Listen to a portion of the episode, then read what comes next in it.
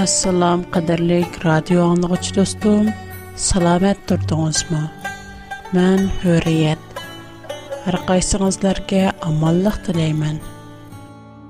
Bugungi suhbat temamiz Qur'on Karim, muqaddas kitob, Tavrat va Injil to'g'riliq nima Kur'an Qur'on Karim kona ahdda yetakligüchi deydi. 2-ci surə Bəqər 53-cü ayət. Öz vaxtında sizlərni hidayət tapsın deyə Musa'ğa haqqı batıldan ayırğıcı kitabını bərdiq. Quran-Kərim bütkül müqəddəs kitab, yəni Tevrat, İncil bütkül insanların yetəkçisi deyir. 2-ci surə Bəqər 53 159-нчы аят, 3-нче al ал 3-нче аятларга карап Bu kitapta kişilerge toğra yolunu enik bayan kılığınımızdan kiyin, biz nazil kılgan roşen delillerini ve toğra yolunu yuşurudgallarga Allah lanet kılıdı. Lanet kılgıçlar mı ularga lanet kılıdı. ilgiri kishilarga yo'l ko'rsatkichi qilib Tevrat bilan injilni nazil qilgan idi. Qur'on-Karim muqaddas kitob Tevrat, injilni o'zingizga yetakchi qiling deydi. 23-sura Mu'minun 49-oyatga qarab boqaylik. ularni hidoyat topsin deb biz həqiqətən Musağa kitab ata qıldıq. Demək, əgər onu özünüzə yetəkçi qılsınız, siz hidayət tapsınız. Müqəddəs kitab Tevrat, İncil həqiqət. Şuna Allah bizning müqəddəs kitabqa əgəşişimizni xalaydı. 2-ci surə Bəqər 87-ci Шек шухбисіз ки биз Мусаға китаб бардук. Онандын кин арқыму арқа пайғамбарлар аваддук. Мариям оғли Исаға мөйчізлер бардук.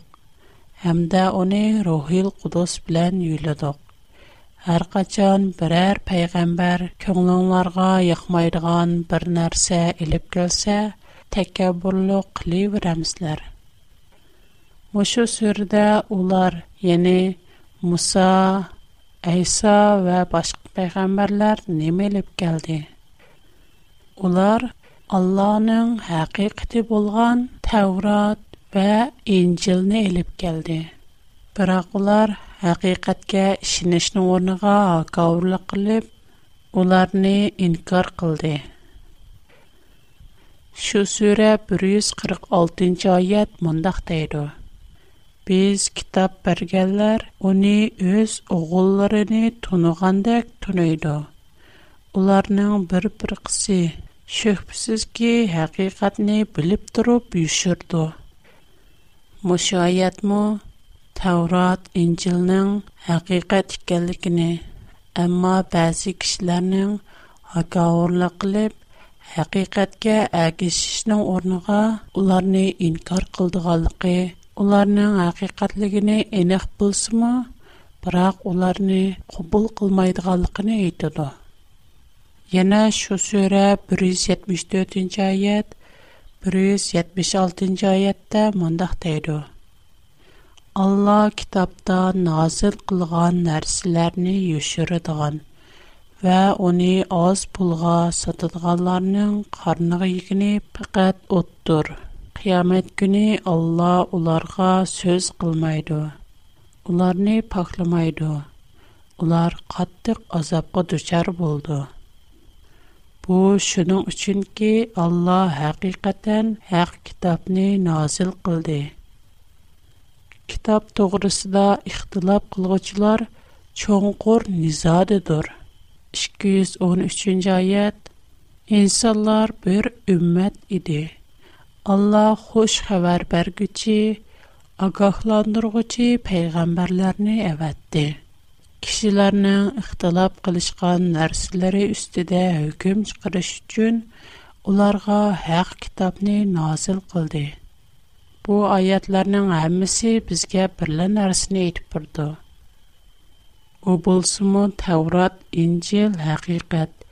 Allah bizning uningga əgişishimizni, shu bo'yicha ish ko'rishimizni umid qildi xohlaydi biroq ko'plagan kishilar uning haqiqatligini bilib turibmi uningga ergashmaydi hakavurlik qilib ularni inkor qiladi mana bular qattiq azobga duchor bo'lganlardir injil tavrot butkul insonlar uchun berilgan 28 сүре қасас 43 аят. Шөкпісіз ки, біз үлгіргі үмметлеріні халак қылған денген, кишилернең дилларыга нур биреп, уларны һидаят ва рәхмәт кылдык. Улар вәз нәсият алсын дип Мусага китапны бердык. Яна 3-нче Ал Имран 3-cü, 4-cü ayətmə oxub ötkünümüzdək oxşaş məzmununu təkrarlaydı. Bunların hamısı нұр, nur, hidayət, rəhmət buluş üçün Xuda tərəfindən Алла Allah biznin müqəddəs kitab Tevrat ve İncil'ni ügünüşümüzni, bilişimizni halaydı. Aldı bilen 2. сүре Bəqər 78 oyatga qarab baqayli. Ularning savadsizlari kitobni o'qimaydi. O'ydirmanala bildi, guman bilan ish qiladi. Bu yerda Xudo muqaddas kitobni bilmaydigan, o'qimaydiganlarni gumonxo'rlar deb ayiblaydi. 3-sura Al-Imron 65-oyatda bo'lsa, i ahli kitob, Nima uchun İbrahim to'g'risida munozirlashsizlar? Halbuki Tavrat bilan İncil İbrahimdən keyin nazil bo'ldi. Tushunmamsizlar? Müşayətdə Xuda bilimsizlərni əyibləydi. 79-cu ayət bolsa, Allah birər insanğa kitabni, hikmatni, payg'ambarlikni bergandan keyin uning kishilarga Allohni quyub menga banda bo'linglar deyishi loyiq bo'lmaydi. Va lekin kitobni o'rgatganlikinglar, o'qiganlikinglar uchun Rabbani bo'linglar. Bu oyatning ma'nosi kitobni yaxshi o'gining va o'giting. Muqaddas kitob Тәурат вә Инҗилне тирешип үгүнеш керек. 6 сүре Ан'ам 155-156 аят. Бу без назыл кылган мубарак китаптыр. Алланың рәхмәтенә үмид кылгычлардан булыш өчен оныңга әгишиңнар, сакланыңнар. Сизләрнең фақат бездән илгерге 2 ki taipigil kitab nazil qilingan ularning o'qgan kitoblaridan bizning zodila xabarimiz yo'q demaskinglar uchundir 29 sura ankabut tanlik birinchi oyat Qur'on muqaddas kitob Taurat Injilni o'g'inishga so'ylig'ichi ogohlantirguchi askartguchi deydi bu surəni көріп өтәйлі. Біздің саңа ularga tilovat qilinib turdigan kitobni nozil qilganligimiz ularga kifoya qilmadimi bu kitobda iymon aytgan qavm uchun shak shubhasiz rahmat va vaz nasihat bor uchinchi sura ol imron bir yuz sakson to'rtinchi oyat Улар сине ялганга чыгарган булса, сәндин илгири өткән мөҗизләрне, китапларны ва нурлык китапны элеп килгән нургын пайгамбарлар мо ялганга чыгырылган иде. Мушу аятның мәнисе Бурынкы мөкаддәс китап Таурат, Инҗил инсанлар өчен нурлык китап. u kishilarga nur beradi deydi 35-нче сүре Фатир 25-нче аят 28-нче сүре Касас 43-нче аятлармы оқшаш мазмунда ularning hammasi muqaddas kitob tavrot va injil nurliq kitob deydi ikkinchi sura baqar ikki yuz o'n uchinchi oyat Нон мәнисә мөхәддәс китабны алды белән үккәнгәндәр туры ялға мангыл булды дилгән. Бу ярдә яна бер яң мөһим нуқта бар. У булсынмы? 13-нче сүре рәид 43-нче аят фақат мөхәддәс китаб Таврот, Инҗил белдегәннәр Мөхәммәдкә күәллик бирәләй дә biz мушаятны оқып чыгайлы. Мекке куфарлары сән пайгамбар әмәссән дейду. Әйткен ки, растлыкымға сілер білән менің отырамда Алланың гуалықы вә Алланың китабыны білдіғаларының гуалықы етәрлік тұр. Алланың китабыны білдіғалар кемлер? Әлбәтті, әқ китап, nurluq kitob muqaddas kitob Tevrat və İncil verilənlər Faqat Tevrat və İncilni bildiganlar Muhammed üçün guvalıq biralaydı. Onu ras deyalaydı. Əgər əgər biz müqəddəs kitab Tevrat və İncilni bilməsək, Muhammed üçün heç qandaq guvalıq bira almayız. Həm um, İncil, Tevrat bilmeyenlerin Muhammed için guvalık biriş salayeti yok.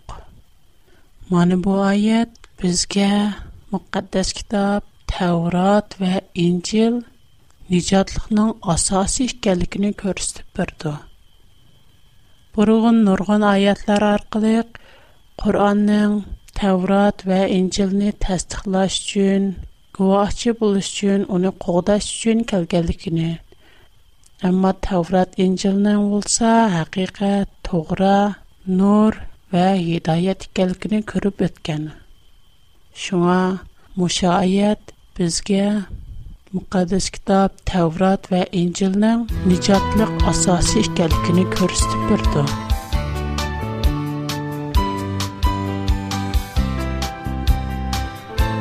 Алла безнең Мукаддас Таврат İncilğa işinişimizni xalaydı. Tavrat və İncilğa işənmigüçlər və yəki onlarını inkar qılğıçlar, ziyan tartışçılardır. 2-ci surə Bəqər 121-ci ayət. Biz ata qılğan kitabni tegişlik rəvişdə oxuyduğanlar var. Ana şular onunğa işindu. Kimlərki kitabni inkar qılır ikən, Олар зиян тарқычлардыр. Тәурат Инжилне инкар қылғычлар пұшайманға қалды. 10-нчы сүре Юнус 95-нче аят.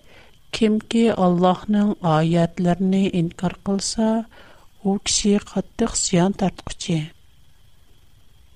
Сән һәргиз Аллаһның аятларын инкар кылгычлардан булмагын. ziyon tortquchilardan bo'lib qolasan 39 sura Zumar 15 oyat Sizlər Allahdan başqa xalığınlarga ibadat qılınlar. Aytqın ki, qiyamət günü özlərini və ailəsidikilərini ziyan tartquzğucular, qatdıq ziyan tartquchilardır. bilanlar ki, ana şu roşyan ziyandur. Ziyan tatqıcılar qiyamatta nadamatta qaldı. 6-cı sura En'am 31-nji ayet. Allahğa muqallat bulışnı inkar qılğanlar haqiqatdan ziyan tapti. Qiyamet tüksiz ular Вот ни адике пепервалыгымызден но дамат теду. Гунахларын истелерга юклеп алды. Уларның юклегене неме дигән яман. Алишэк сөре муҗадәле 19 аятта сян тарткычлар шейтанның кошыны дийылды. Уларның üstидән шейтан калбы кылды. Onlarga Allah'ның zikrini unutuldurdu. Onlar şeytanның qoşunudur. Bilіңlar ki, şeytanның qoşunu ziyan tartqıçılardır. 8-ci surə Enfal 37-ci ayətdə ziyan tartqıçılar dozaqqa taşlandı. Allah'ın kapırını mümündən pərəxləndiriş üçün Allah həmmə kafirlərni üstü-üstügə dövüləb toplağandan kin dozaqqa təşləydi. Ənə şular ziyan tartqıçılardır. Müqəddəs kitab Təvrat və İncil qışənməyənlər qatlıq qazabqa duçar boldu. Cəzalandı. Biz 5-ci surə Maidə 59 oyat va 29 sura Ankabut 46 oyatni o'qib o'tamiz. Ey ahli kitob, faqat bizning Allohga bizga nazil qilingan kitobga, buningdan ilgari nazil qilingan kitoblarga iymon etganligimiz uchun va sizlarning ko'pchiligingiz fasiq bo'lganligingiz uchun bizni ayblamsizlar әхли китап белән фақат әң чирайлык рәвештә муназирлешиңнар. Әйтүңләр ки, безгә назил кылынган китапка ва сезләргә назил кылынган китапка иман әйттек. Сезләрнең илаһиңнар ва безнең илаһимиз бер тур. Без Аллага буйсынгычларбыз. Мен буларның һәммәсе Аллаһның bizni muqaddas kitob Tavrat va Injilga ishonishimizni xohlaydiganligi, muqaddas kitoblarga ishonganlarning to'g'ri yo'lda ekanligini aytadi. 8. Allah bizning muqaddas kitob Tavrat, Injilning bir qismini emas, balki butun kitobni qabul qilishimizni xohlaydi. Müqəddəs kitab intayin mühim. 6-cı surə An'am 154-cü ayət mındaq deyir. Hər bir nərsini təfsili bayan qilish, hidayət qilish və rəhmət qilish yüzüsüdən Musağa kitab ata qıldıq. 2-ci surə Bəqər 85-86-cı Бәр кысем аятларны инкар кылганнар каттык язалендо дилгән. Бу сүзне күрүп тәйле. Сизләр китабның бер кысем әхкамлырга ишен ИП, бер кысем әхкамларны инкар кыласылар. Сизләрдән шундый кылганларның язасы фақат аяەتی дөньяда халлакка Qiyamet günü qattyq azapqa tutçar bulıştır. Allah qilmishanglar ten gafil emestir. Änishular axiretni birib dunyadiki teregçiligine setip algan kishilardur. Şuning üçün ulardan azap birlekhletilmaydı. Ularga yordam mo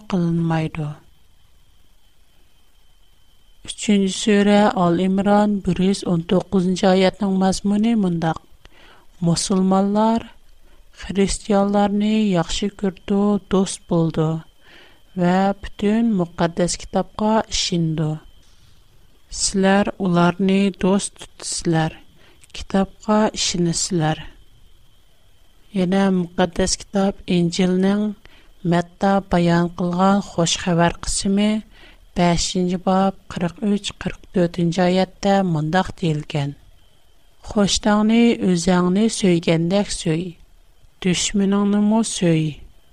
Sini qıstıqalar üçün dua qıl. Allah bizning muqaddas kitobning biror parchasini yoshirishimizni xohlamaydi. 3-sura Al-Imron 187-oyat. Öz vaqtida Alloh kitob berilganlardan kitobni kishilarga cho'qim bayon qilib berishga va yo'shirmaslikqa ahd oldi. Lekin buni ular orqasiga cho'rivatdi va uni ozgina badalga tegishdi. Ularning tegishib olgani nima degan yomon. ئىككىنچى سۈرە بەقەر بىر يۈز بىر 174 ئالتە بىر يۈز ئەللىك توققۇز بىر يۈز يەتمىش تۆتىنچى ئايەتلەرمۇ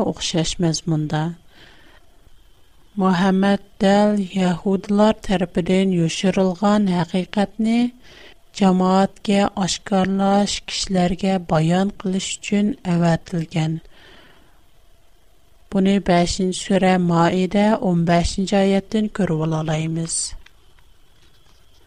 Е ахли китаб Сизларга силәр китапта юшырган нургын нәрсиләрне баян кылып, бирдеган ва нургынын кечүрдеган Расулбыз келди.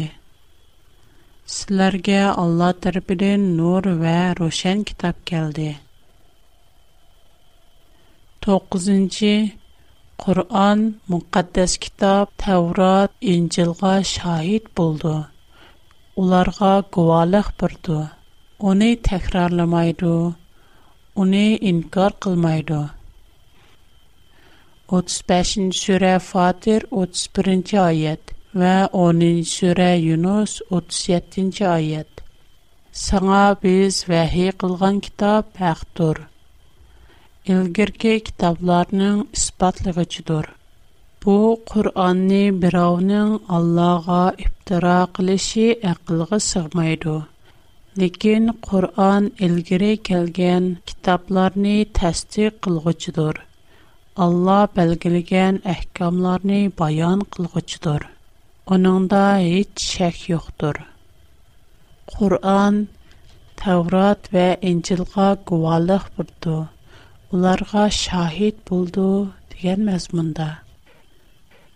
Guvalıq biriş degenin mənisini düşünüp görsək, guvalıq biriş, itiraf qilish, cəzimləşdiriş, küçəytiş, ilhamlandırış, isbatlaş, kabalət qilish, eniqlaş, paket, qanunluq ikənligini isbatlaş, şahid buluş, təsdiqləş və gücəytiş digər mənalarını göstərir.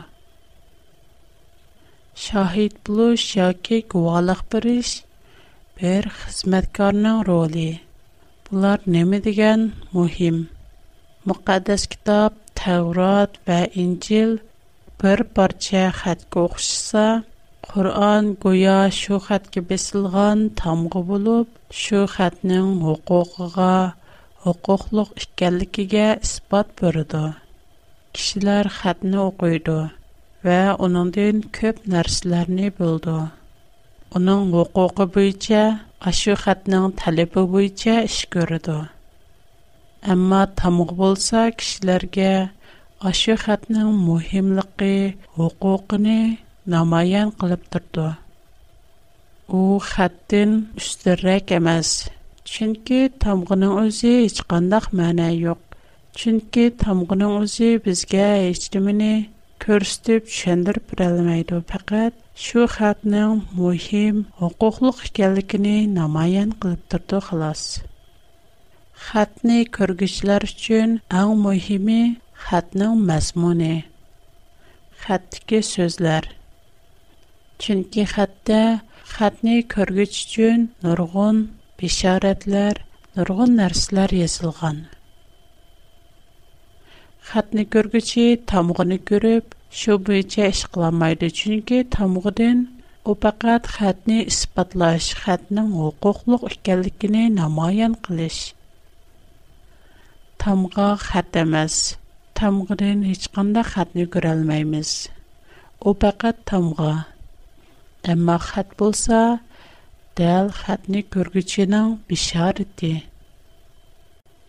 Таврат белән Инҗил хак нахакка хөкем кылды. Буны 21-нче сүре Анбия 48-нче аятын күрә алабыз. Таврат Инҗил яна һәммә нәрсәне сора кылды. 5-нче сүре Маида 43-45-ci ayətə qarab baxaylı. Biz həqiqətən Tevratni nazil qıldıq. Tevratda hidayət və nur var. Boysunğan peyğəmbərlər Yahudilar arasında hökm qılıdı. Zahidləri və üləmalarımı saqlaşqa buyurulğan kitabullah boyunca hökm qılıdı. Ular Təvratni nəzarətçi idi. Kişilərdən qorxmanglar, məndən qorxunlar. Mening ayətlərimni az bulğa tiyişmənglar. Kimlər ki Allah nazil qılğan ayətlər boyunca hökm qılmaydıkən, ular kafirlərdir. Allah nazil qılğan ayətlər boyunca hökm qılmaydığan kişilər zalimlərdir. Димек, бұ аятларның мәнісі байдапыд гүніміздік, ким Таврат бұйча үхкім қылмыса, о кіши залим мөмін амаз. Таврат инжил болса, Құрғанға баха біруду. Онын сүре Юнус 94-дюнжа аят мушу нұхтіни іспатлайду. Мубада сен... Саңа біз насыл қылған кітаптен шәклендіған болсаң, сәнден үлгірі китап оқуғалардын сорап баққын. Демек, Тәурат білән Инжил Құранның тоғырлықыға үкім қылды. 10-ші Құран китап кітап Тәурат Инжилні Я малларның Шәриидә саклайды. 5-нче сүре, Маида 48-нче аят. Без саңа өзедин илкәр ке китапларны итराब кылугычи һәм уларга шахид булгычи Һак китапны нәзел кылдык. Мукаддас китапны кугыды. Кур'ан-Карим мукаддас китап, Таврот, Инҗилнең хукукы даирсе дике бер u muqaddas kitob tavrat injilni o'zgartishga uringan rasullarga hukm qiladi ikkinchi sura baqar 79 174 oyat kitobni o'z qo'llari bilan yezib uni oz pulga setish uchun bu olloh tarafidan nozil bo'lgan degichilarga voy қолы білән язғалары үшін оларғы вай. Ерішкен нәрсілер үшін оларғы вай. Алла китапта назил қылған нәрсілеріне үшірідған вә оны азғына пұлға сатыдығаларының қарныға егіне пәкәт ұттыр. Қиямет күні Алла оларға сөз қылмайды, оларыны пақылмайды, олар қаттық азапқы дұчар болды. bugungi programmamiz mushu yerda yoqlashdi hammangizlarga omonlik tiningizlarga salomatlik tilayman xo'sh xushvaqt bo'lingizlar